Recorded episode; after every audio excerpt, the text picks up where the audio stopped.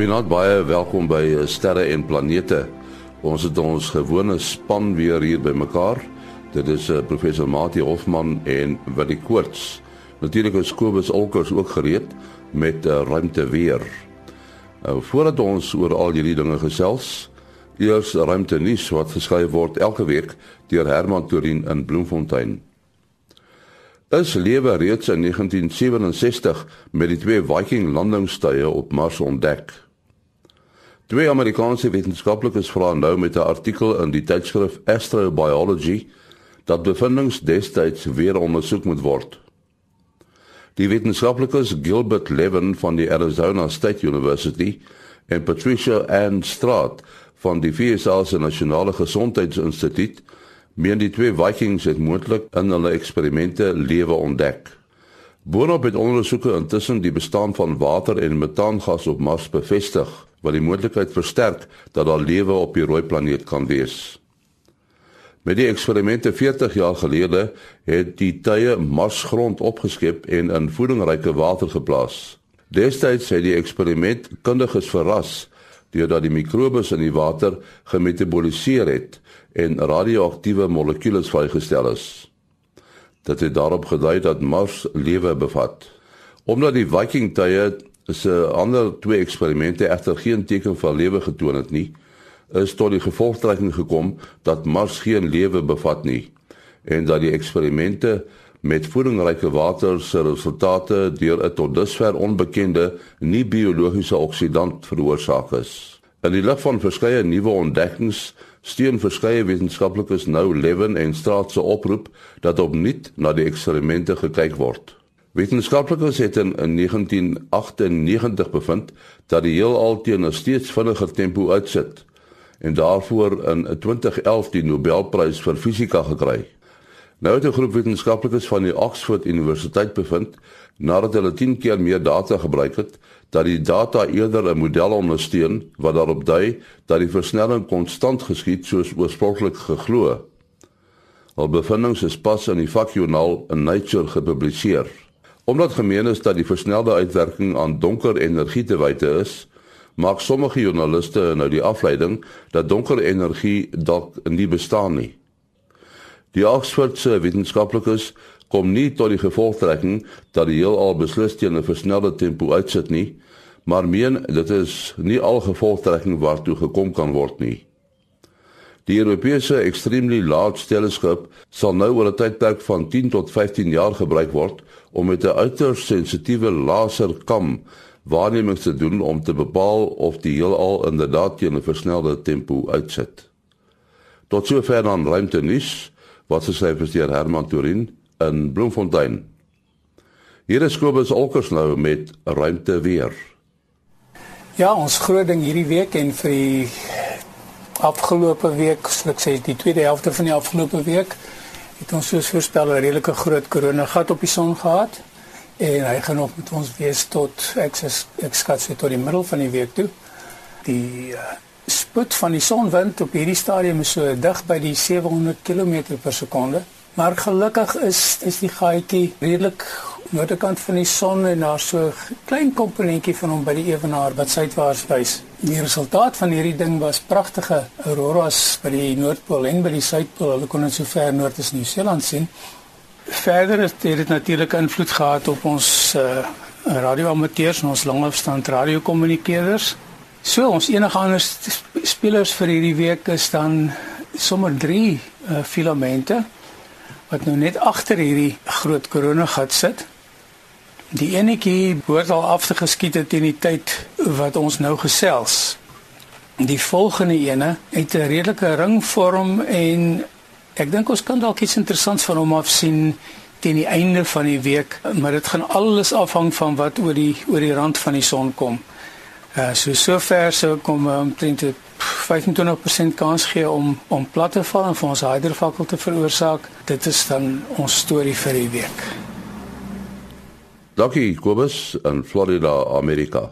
Ons gesels met professor Mati Hofman van die Universiteit van die Vrystaat, die Boden Sterrewag en die Digitale Planetarium en dan ook met Willie Koorts van die Suid-Afrikaanse Astronomiese Observatorium.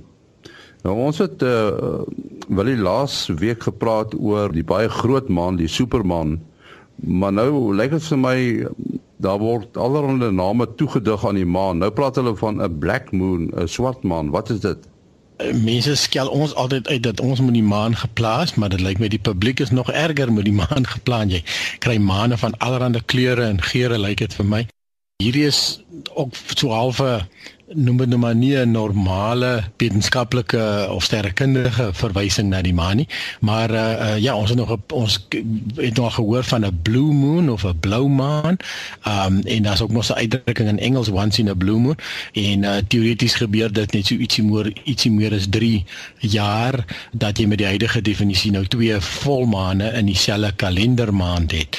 En um, nou kom hulle met hierdie black moon wat nou die twee nuwe maande in dieselfde kalendermaand is. So ons het nou op die 1ste Oktober het ons 'n nuwe maan gehad en dan is ook nou die 30ste is daar ook uh, is dit nou ook 'n nuwe maan. So dit is nou die enigste verskynsel waar jy niks het om te sien nie. Dit is nou die ander die ander ironie van hierdie van hierdie saak. En dan is daar 'n tweede uh, moontlikheid waar daar ook 'n soort sogenaamde black moon kan plaasvind. Ehm um, en dit is in Februarie weet ons dit net uh, 28 dae normaalweg en selfs 29 in 'n skrikkeljaar, maar die maan se fases herhaal 29 en 'n half dae. So Februarie kan nooit 'n blou maan of dan nou 'n 'n swart maan black moon hê nie, want daar daar's nie genoeg kalender dae om 29 en 'n half uitmekaar uit te val nie sodat jy kan twee volmaane of twee nuwe maane kry nie. Maar dit gebeur ook dat in Februarie kan dan glad nie 'n 'n nuwe maan of glad nie 'n volmaan hê nie. En uh, en dan moet dit blykbaar ook 'n black moon. So ja, so dit is nou maar eintlik 'n bietjie speel met met terminologie hierso. En natuurlik die die interessante ding vir die Amerikaners, die mense wat Halloween aanhang, uh, word mos nou baie ernstig gevier uh, veral in Amerika. Ek sien dit wys 'n bietjie oor hier na Suid-Afrika toe ook bietjie. Ehm um, uh, uh, gaan die uh, black moon nou nog saamval met Halloween ook wat nou eintlik nou inpas by hulle hele tema van van Halloween. Wil jy wat uh, ook interessant is die as mens nou die uh, swart maan koppel aan Februarie uh, dan sal dit nou vir almal op aarde kan wees daai dit moet in Februarie vir hulle wees. Maar as ons nou na die ander definisie kyk van die swart maan waar daar twee nuwe maande in een maand is uh, het ons nou die situasie dat ons nou hierso op ons lengtegrade uh, het ons dit in Oktober terwyl die ouens in die verre weste in uh, uh, die Amerikas het weer die situasie gehad in in September om weens die tydsone. So waar die nuwe maan wat ons nou op die uh, eh, 1 Oktober in die vroeë oggendure beleef het, was vir hulle uh einde van hulle September gewees. Uh so die goed kan mens baie keer bietjie deurmekaar maak uh om te vra hoe is dit nou moontlik? Ehm um, maar die feit is uh, as jy nou na nuwe maan kyk, gebeur dit op 'n bepaalde oomblik en tyd en dit geld vir die hele wêreld datum wat ons daaraan toe ken verskil van afhangende van jou tydsone of dit kan verskil afhangende van jou tydsone. Ons het uh verlede keer heel wat aandag gegee aan Chaparelli wat toe eintlik uh, baie harder geval het as wat hy uh, moes geval het. Toe ons ons program uitgesaai het, was daar nog maar eintlik relatief min bekend. Uh Mati, het jy dit gevolg wat toe daarna bekend geword het? Ek weet nou nie of dit amptelik so deur die uh, die ouens wat verantwoordelik is vir die tuig uh, erken is nie, maar daar was uh fotos van af uh, die ruimtetuig. Uh, ek weet nie of dit hulle eie tuig was wat nou 'n nuwe letsel op Mars afgeneem het, nie uh wat jy duidelik kan sien die voor en die na en dan daar's so donker kol bygekom. Uh en die grootte daarvan moet in die orde van enkele honderd meter wees uh en dit sou kon ooreenstem met die uh, tuig wat met heel wat brandstof aan boord omdat die vuurpyle dan nou nie gevuur het soos dit moes toe dit die tuig moes rem nie. En dit dis tot 'n uh, uh, ontploffing kon lei waarvan daar nou die uh, letsel aan uh, gelaat is. Uh, uh, Willie is word dit nou amptelik al so as die korrekte uh verklaring of uiteinde uh van die Schiaparelli tuig aanvaar Ja, dit is nou uh, geneem deur die Mars Reconnaissance Orbiter, die Amerikaanse tuig en Japie het ook mos vir ons laat weet laas keer dat hulle is gevra ook om hulle tye te gebruik. So daar's mos nou die twee Amerikaanse tye en dan die en dan ook die ESA se eie tuig wat uh, destyds met Beagle 2 opgestuur is maar wat toe nog nie geland het of hulle lander het mos toe nog gefaal. Dit lyk vir my daar gaan wel opgevolg word dat hulle uh, meer hoër resolusie fotos wil neem. Soos jy sê daar's dit lyk soos 'n kratertjie. Ek sien hulle het hom rofweg gemeet uh, so in die omgewing van 15 uh, by 40 meter en dit is ook swart soos jy genoem het uh, en waar hulle nou vermoed uh, dat daar 'n ontploffing plaasgevind het.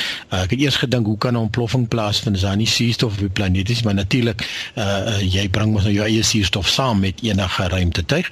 En um, dan kon hulle ook 'n wit kolletjie sien uh, wat uh, vermoedelik so 'n kilometer noord daarvan, um, wat uh, vermoedelik die valskerm is uh, wat daar lê. So wat hulle nou gaan doen met die volgende geleenthede is om om naby fotos te neem. Ja, en wat ook intussen uh, duidelik geword het is dat uh, nie net het die drie motors nie gevuur nie um, maar die um, valskerm lyk of dit te gou gelos het en um, nou sien ek in uh, um, die astronomy now se se of astronomy uh, tydskrif uh, is 'n webwerf uh, reken hulle dit kon moontlik in 'n uh, rekenaar uh, fout gewees het uh, wat die mekaar geraak het met die sensors en en dat hulle gedink het die tuig is al laer as wat hy is. Maar hierdie is baie baie vroeg. So hierdie is nou maar nog eintlik spekulasie dit lyk my dit is baie definitief bevestig dat die tuig nie nie lewendig is nie. Ja ek het gewonder toe ek hierdie fotos gesien het uh, wat op die uh, op die internet verskyn het. Uh, Watter soort resolusie kyk die ouens na as hulle sulke voorwerpe op uh, op Mars sien? Uh, ja, ek dink dit gaan die, die wat ek nou al gesien het, kan jy beslis nie fyn details sien nie as jy nou praat van 'n tuig, so sê nou maar die die uh, rovers wat daar op Mars rondry. Of soos Curiosity, dan is dit maar 'n blink kolletjie of so iets. So dit kan maar enkele meter per piksel wees Uh, maar ek het nie presiese inligting daaroor nie, maar in elk geval jy hulle kan daarom tot daardie tipe vlak afkom dat hulle 'n mensgemaakte voorwerp soos 'n valskerm of 'n robotiese tuig kan identifiseer in 'n bepaalde piksel. Nou dit sal waarskynlik 'n uh, oorlek na meer as 1 piksel afhangende van die grootte piksels van die piksels en die tegniese aard van die toerusting. Die goed lyk maar baie klein op die fotos. Wat meer sou hulle kon uitvind as hulle nou 'n beter resolusie kry, wil jy? Ek het ook nie daai antwoord van presiese resolusie nie. Dit lyk vir my hierdie fotos wat nou vrygestel was was so half 'n quick look en toevallig het hulle ehm um, het die het, het Mars orbiter daaroor gevlieg. Ek het ergens gelees dat hulle hulle gaan definitief hoër resolusie. So uh, ek neem aan dis dalk met een van die ander uh, tye of daar's dalk 'n ander kamera wat hulle kan inspann. Ek sal ook aanneem dis natuurlik nou jy, jy het natuurlik 'n baie groot area wat jy moet deursoek. So jy gaan eers half wyd kyk en dan as jy dan ehm um, dit opgespoor het, sal jy dan nouer kyk. Ag nee, ek kan nou miskien net 'n uh, idee gee as ons nou kyk na daai donker kol Hy's baie diffuus op die einde. Jy kan nie presies sê hier begin hy en hier eindig hy nie. Dis hoekom ek hom nou sommer te groot geskat het as enkele 100 meter wil jy sê eh, die ander ouens wat nou meer presies meet is hier nader aan 50 meter. Maar as jy nou die hoë resolusie foto's skryf wat met uh, enkele meter resolusie per piksel werk, dan gaan jy baie mooi gedefinieer ook die rand van die eh, krater kan sien. So dit sal baie opwindend wees, dit sal baie meer presies kan bepaal word hoe groot is die krater. Dit gaan nog steeds nie skerp rand soos 'n potlood streepie wees nie, maar dit gaan darem 'n redelike goed gedefinieerde uh, donker kol wees. Die inligting wat hulle hieruit wil probeer kyk is maar om uh, soveel inligting as moontlik uh, in te samel deur uh, wat moontlik verkeerd kon gegaan het.